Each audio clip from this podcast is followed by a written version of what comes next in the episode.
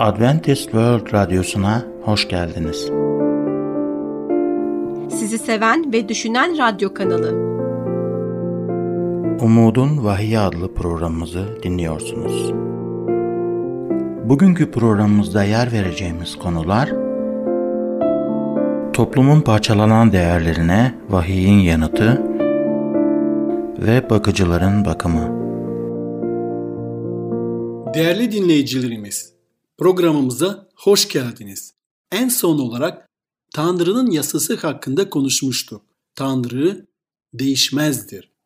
Bundan dolayı onun karakterini yansıtan yasasının da değişmez olduğunu anlıyoruz. Bu durumda Tanrı'ya iman ettiğimizde eylemlerimizde dikkat etmeliyiz. Çünkü Yüce Rab herkesi yargılayacaktır. Tabi biz yaptıklarımıza göre yargılayacak. Eylemlerimiz çok önemli olduğunu anlıyoruz. Kurtulmamız için değil, yargıdan geçmemiz için.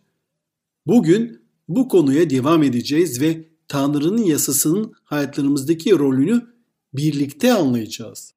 Bu konuda aklınıza takılan her türlü soruyu yanıtlamaktan mutluluk duyacağımız için lütfen WhatsApp numaramız olan artı 357 99 786 706 üzerinden bize yazabilirsiniz.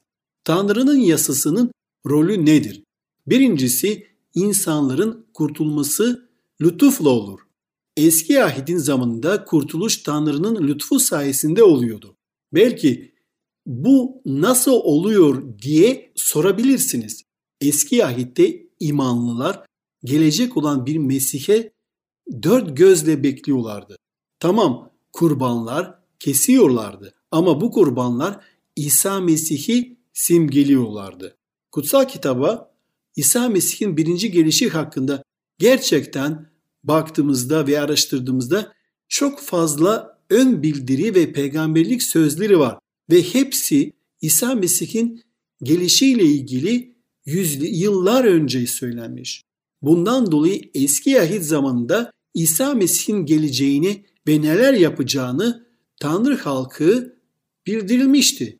Evet, eğer halk Tanrı'nın sözünü okuyup dinliyorsa bunu bilmeleri gerekiyordu. Yeni ahitte ise gelmiş olan bir Mesih'e bakıyoruz. Eski ahit inanları gelecek olan bir lütufla kurtulacaklardı. Biz ise gelen bir lütufla kurtulduk. Ama hepsi lütufla ise o zaman Tanrı'nın yasasının rolü nedir? Romalar 3.20'de şöyle diyor. Yasa sayesinde günahın bilincine varılır. Yasayı kaldırırsanız günah yoktur. Kanun yoksa günah da yoktur. Yasa sayesinde günahın bilincine varılır. Tanrı günahı yasası aracılığıyla açıklar. Pavlus Romalar 7.7'de şöyle diyor. Yasa olmasaydı günahın ne olduğunu bilemezdim.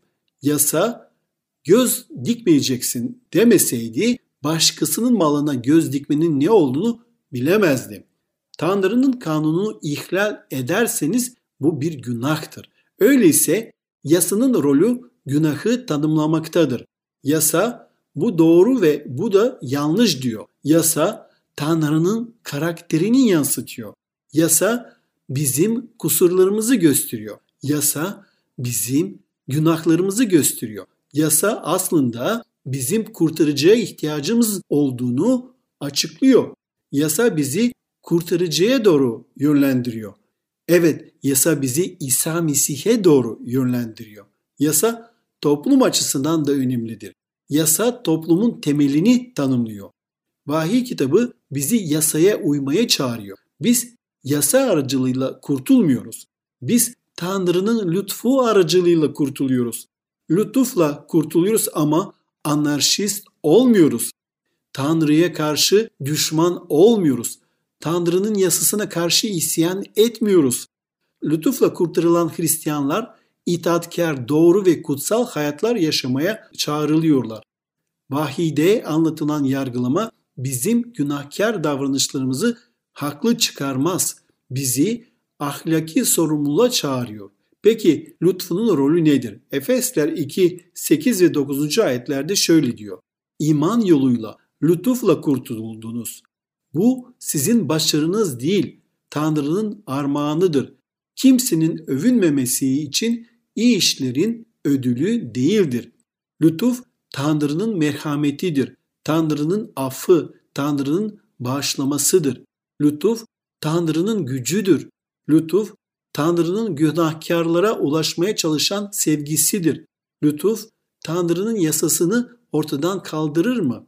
Lütuf Tanrı'nın karakterini kaldırıyor mu? Lütuf Tanrı'nın prensiplerini kaldırıyor mu? Lütufla kurtuluyorsam bu beni Tanrı'nın kanunu çiğnemeye mi yönlendirir?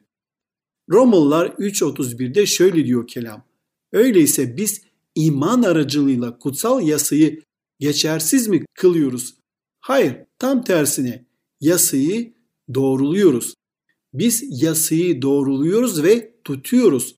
Lütufla kurtulan insanlar itaatkardır. Matta 5.17'de kutsal yasayı ya da peygamberlerin sözlerini geçersiz kılmak için geldiğimi sanmayın. Ben geçersiz kılmaya değil tamamlamaya geldim. İsa kanunu ortadan kaldırmaya gelmedi diyor. Yaşayan kanunun zaten oydu ve İsa'nın kendisi kanuna itaat etti. Yasayı yerine getirdi. Romalılar 6.14'te günah size egemen olmayacaktır çünkü kutsal yasanın yönetimi altında değil, Tanrı'nın lütfu altındasınız. Günah size ne zaman hakim olur?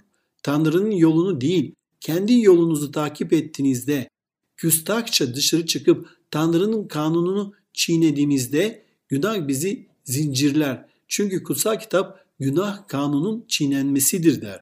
Pavlus çünkü günah size egemen olmayacaktır. Çünkü kutsal yasanın yönetimi altında değil, Tanrı'nın lütfu altındaysınız diyor. Kanun altında olmak ne demektir? Kanun altında olmak bir kurtuluş yöntemi demektir. Yasayı çiğnedim için mahkum olmam demektir. Bu beni kurtarması için yasayı güvendiğim ve onu tutmadığım zaman mahkum edileceğim anlamına geliyor. Günah nedir? Tanrı'nın yasasının çiğnenmesidir. İhlal ettiğim yasa tarafından mahkum ediliyorum. Bu yüzden yasanın altındayım. Peki ama lütuf altında olmak ne demektir? Lütuf altında olmak için çarmıkta gerilmek. Haccın dibinde diz çökmek demektir. Lütuf altında olmak Mesih'in affını kabul etmek, Mesih'in bağışlanmasını almak ve onun gücüyle dolu olmak anlamına geliyor. Böylece Mesih yasasının kalbime ve zihnime yazar. Ona itaat etmek kendi içimden gelir. Kutsal kitaba bu konuda çok açıktır. İsa Mesih'e geldiğimizde ve kendimizi onun ayaklarının dibinde attığımızda şöyle diyor. Çocuğum, geçmişte ne yaptığın önemli değil. Geçmişte hayatın ne kadar günahlı olursa olsun seni affedeceğim. Yeniden temiz sayfayla başlayabilirsin. Kanun ihtiyacımızı ortaya koyuyor. Tanrı'nın kanununa baktığımda kim olduğumu görüyorum. Onun kanununa baktığımda bu kanunun istediği niteliklere sahip olmadığımı görüyorum. İsa Mesih'e geldiğimde olması gerektiği kadar nazik olmadığımı görüyorum. Ona geldiğimde ne kadar sabırsız olduğumu görüyorum. İsa'ya geldiğimde onun ayaklarının dibinde düşüyorum. Ve Davut'un Mezmur 19.7'de Rabbin yasası yetkindir, cana can katar da kastettiği şeydir. Bu mükemmel yasa beni İsa'ya gönderiyor ve ben Rabbim kalbim ne kadar kırık, günahım yüzünden kalbim ezik. Tanrım lütfen affet beni, bana rehberlik et. Sevgili İsa, yasını korumam için, itaatkar olmam için bana yol göster diyorum. Bir zamanlar birisi İsa'nın yanına geldi ve onu kandırmaya çalıştı. Bu adam bir kutsal yasa uzmanıydı ve şöyle sordu. Matta 22, 36, 40'a kadar. Öğretmenim, kutsal yasada en önemli buyruk hangisidir? İsa ona şu karşılığı verdi. Tanrı'nın Rabbi bütün yüreğinle, bütün canınla ve bütün aklınla seveceksin. İşte ilk ve en önemli buyruk budur. İlkine benzeyen ikinci buyruk şudur. Komşunu kendin gibi seveceksin. İsa burada ne yapıyordu? On emri özetliyordu. Çünkü İsa kutsal yasanın tümü ve peygamberlerin sözleri bu iki buyruğa dayanır demişti. Tüm yasa tek kelimeyle de özetlenebilir. Sevgi kelimesiyle. Tanrı'yı ve yoldaşınızı sevin. İsa ilk dört emri Tanrı'ya sevgi ve son altı emri ise komşularımıza sevgiyle özetledi. İsa tam olarak seviyorsan Tanrı'yı seveceksin diyordu. Eğer tam olarak seviyorsan komşularını seveceksin. Sevgi her zaman bizi itaate götürür.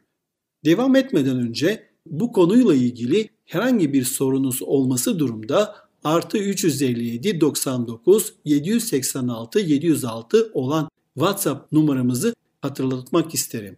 Tanrı'nın 10 emir yasası taş tabletin üzerine Tanrı'nın parmağıyla yazılmıştı.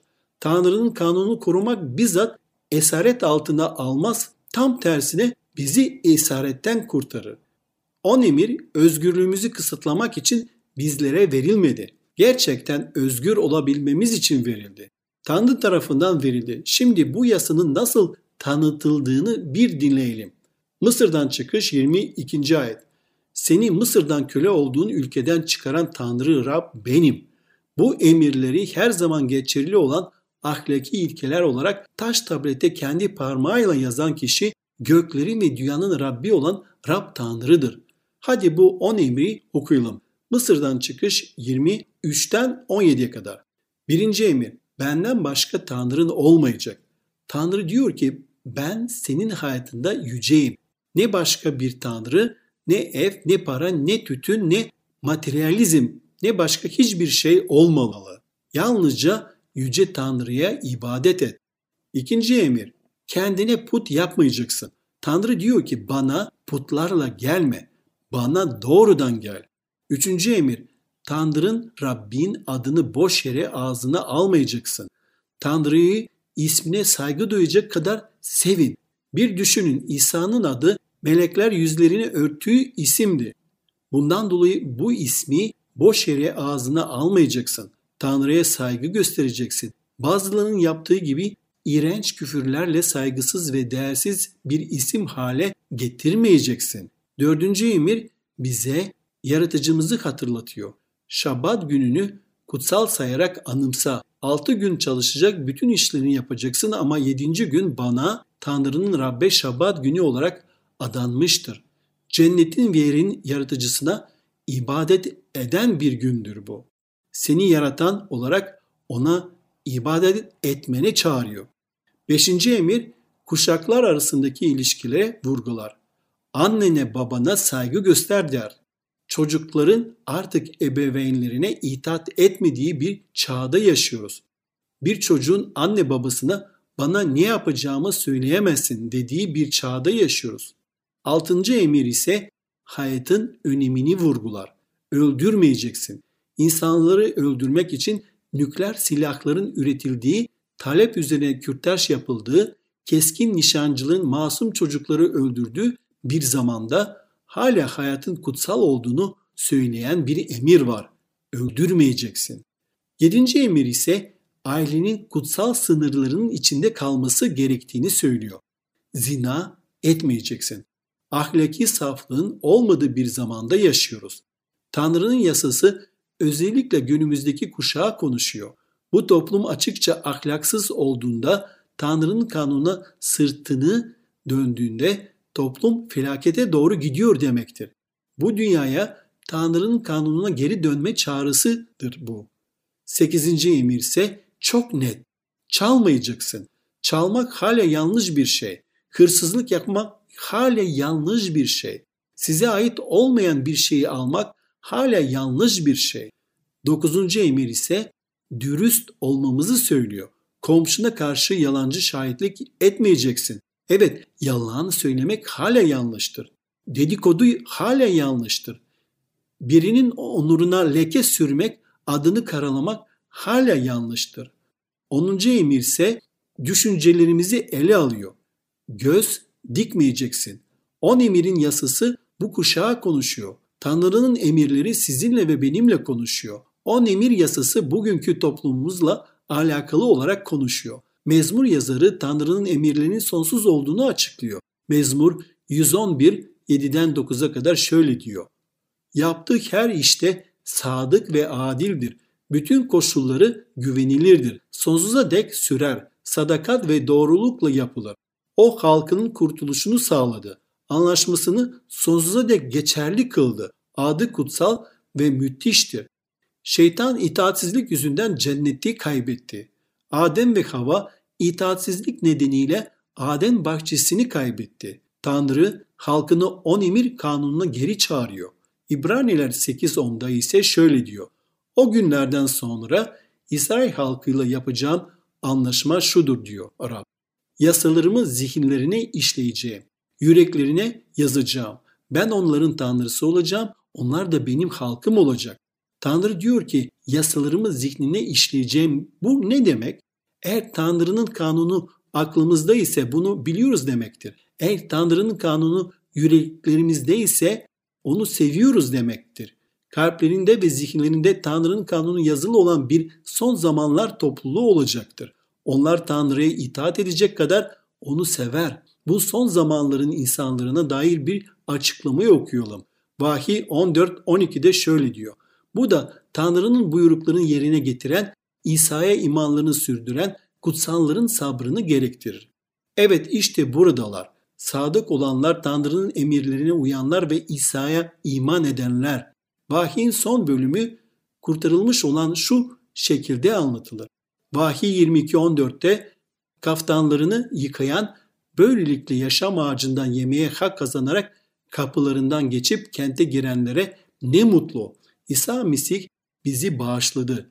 İsa Mesih bana gel çocuğum diyor. Bize merhamet ediyor. Mesih gözlerimize bakar ve senin için yapmak istediğim özel bir şey var. Hayatını değiştirmek istiyorum. Seni yeni bir erkek ya da yeni bir kadın yapmak istiyorum diyor. Peki sen de ona Tanrım hayatıma gir demek ister misin? İsa benim için kendi başıma yapmamız imkansız olduğu şeyi yapıyor. Yıllar önce bir anne küçük oğlunu ünlü vaiz Dwight Moody'yi dinlemeye götürdü. Vaazdan sonra bir nedenden dolayı sıraya girdi. Oğlunun Wise Moody ile el sıkışmasını istedi. Çocuğun sırası geldiğinde çocuğu yumruğunu sıktı ve el sıkmayı reddetti. Annesi çok utanmıştı.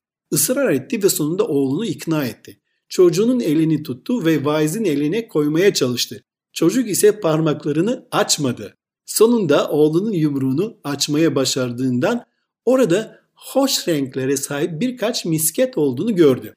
Meğerse çocuğu Wise'in bütün misketlerini alacağını sanmıştı. Peki sen arkadaşım, sen niye sarılıyorsun? Niye tutunuyorsun? Sizin için şu anda uzanıp İsa'nın elini tutmaktan daha önemli bir şey var mı? Onun lütfu geçmişinizi affedecek. Onun lütfu hayatınızı değiştirecek. Onun lütfu sizi yeni bir erkek ve yeni bir kadın yapacak. Şu eski ilahiyi seviyorum. Sevgi dolu Rabbimizin muhteşem lütfu günahlarımızı ve suçumuzu aşan lütuf. Golgota tepesinde çarmıkta kuzunun kanı yere döküldü. Lütuf, lütuf, Tanrı'nın lütfu. Suçlarımızı affeder ve lütuf, lütuf, lütuf, Tanrı'nın lütfu tüm günahlarımızdan daha büyük bir olan lütuf diyor ilahi. Harikulade sonsuz eşsiz ve zarafet inanan herkes özgürce bahşedildi. Onun lütfu şu anda tahtından senin kalbine doğru akıyor. Peki sen neden uzanıp onu almıyorsun? Bugünkü bölümle ilgili herhangi bir sorunuz varsa veya Tanrı'nın lütfu ve itaat hakkında daha fazla bilgi edinmek istiyorsanız veya özel bir duaya gerek ihtiyaç duyuyorsanız lütfen hiç çekinmeyin ve WhatsApp numaramız olan artı 357 99 786 706 üzerinden bizimle iletişime geçin veya e-posta adresimiz olan radyo.umuttv.org adresinden bize yazın. Sizi bekliyoruz.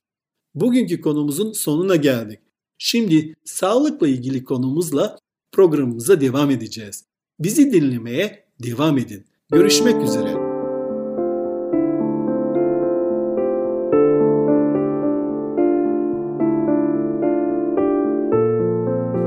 Merhaba sevgili dinleyicilerimiz.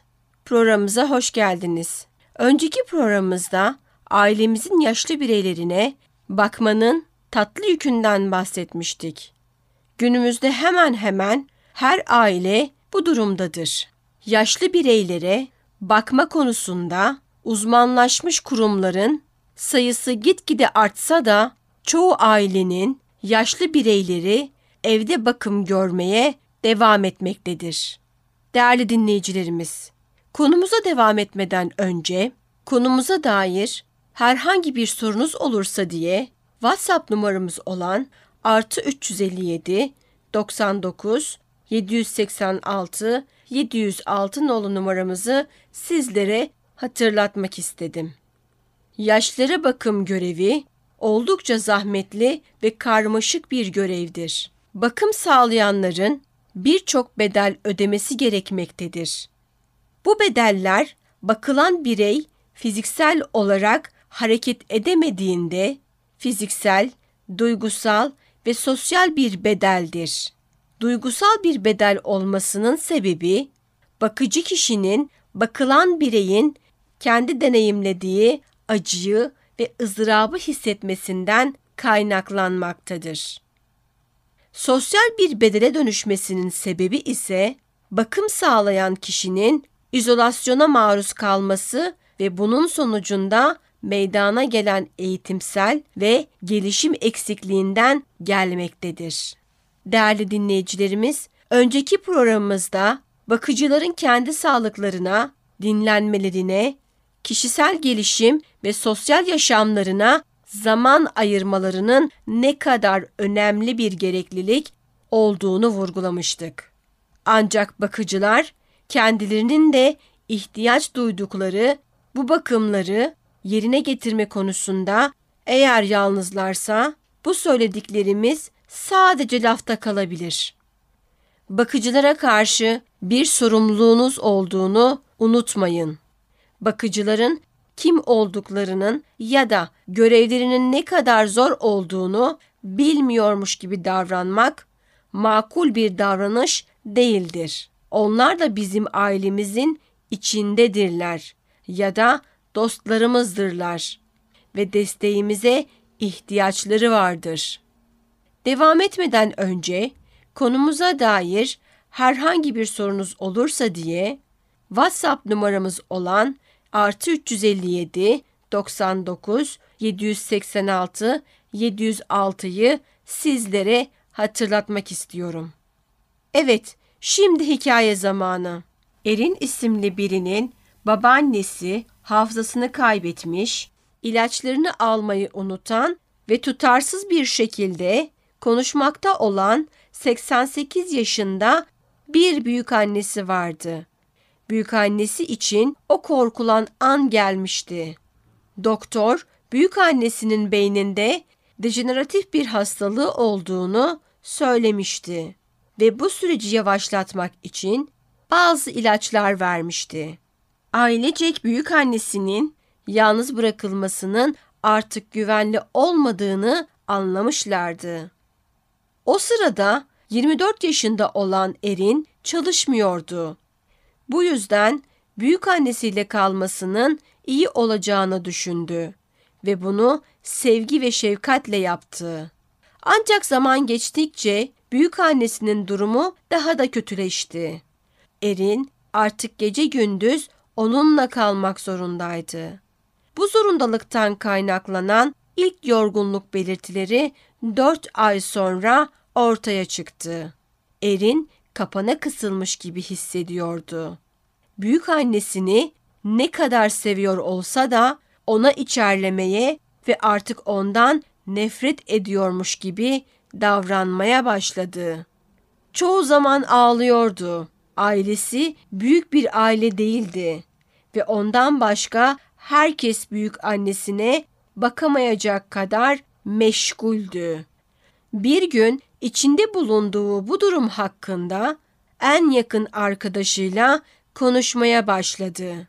Arkadaşının desteğe ihtiyacı olduğunu anlaması uzun sürmedi. Fakat Erin'in arkadaşı da oldukça meşguldü. Bu yüzden meslektaşlarına Erin'in bu durumundan bahsetmeye başladı. Neyse ki meslektaşlarının bir planı vardı. Her gün gruptan birisi Erin'in dinlenmeye, egzersize, kendi ihtiyaçlarını gidermesine fırsat sağlamak için Erin'in büyük annesiyle iki saat geçirecekti. Bu Erin için öylesine büyük bir değişim oldu ki daha iyi bir dinlenme ve sevgiyle çevrelenmiş olduğunun hissi ile Erin daha iyi bir bakıcı oldu. Birkaç akşam dersi ve online koçluk ile sosyal hizmet bölümünün derslerini almaya başladı. Arkadaşları derslere gitmesi ve araştırma yapması gerektiğinde onun için büyük annesine bakabileceklerine dair söz verdiler. İki yıl sonrasında ise Erin'in tatlı büyük annesi huzur içinde vefat etti. Erin kendi deneyimleriyle zenginleşerek programı bitirdi ve yaşlıların bakımı konusunda uzmanlaşmış, kendini adamış, yüksek vasıflı bir sosyal hizmet uzmanı oldu. Değerli dinleyicilerimiz, siz de Erin ile aynı durumda olan birini tanıyor musunuz? Öyleyse bakım sunan kişinin sağlığı ve güçlü kalması adına sağlayabileceğiniz katkıyı düşünmenizde fayda var. Bakım veren kişinin aşırı çabasını ve aşırı stres belirtilerini fark etmeye başladıysanız hemen devreye girip yardım etmek size kalmıştır. Bakım veren kişi artık bitkin, cesareti kırılmış ya da ne yapacağını bilmez bir durumda görünüyor olabilir. Bu an tam olarak da aile bireylerinin ya da arkadaşların devreye girip de yardım etmesi gereken andır. Böylesi bir durumu fark ettiğinizde onlara biraz rahatlamaları ve mola verebilmeleri için hastanın bakımını birkaç saatliğine üstlenmeyi, ayak işlerini yapmayı ve onlar için bir yemek hazırlamayı teklif edin. Siz yardım ederken bakıcının dinlenmesi, egzersiz yapması ve bakım için çok gerekli olan enerjinin bir kısmını geri kazanabilmesi için onu teşvik etmeyi de ihmal etmeyin. Bakıcılık tıpkı çocuk yetiştirmek gibi birçok kişiye ihtiyaç duyar. Tıp uzmanlarından oluşan bir ekip tarafından desteklenen aile üyeleri ve dostlardan oluşan bir ilgi ve sevgi çemberini gerektirir. Bugünkü konumuzla ya da genel olarak sağlıkla ilgili herhangi bir sorunuz varsa lütfen hiç çekinmeyin ve WhatsApp numaramız olan artı 357 99 786 706 üzerinden ya da e-mail adresimiz olan radyo.umuttv.org adresinden bizlere ulaşın. Değerli dinleyicilerimiz, bizi dinlediğiniz için teşekkür ederiz. Bir programımızın sonuna geldik.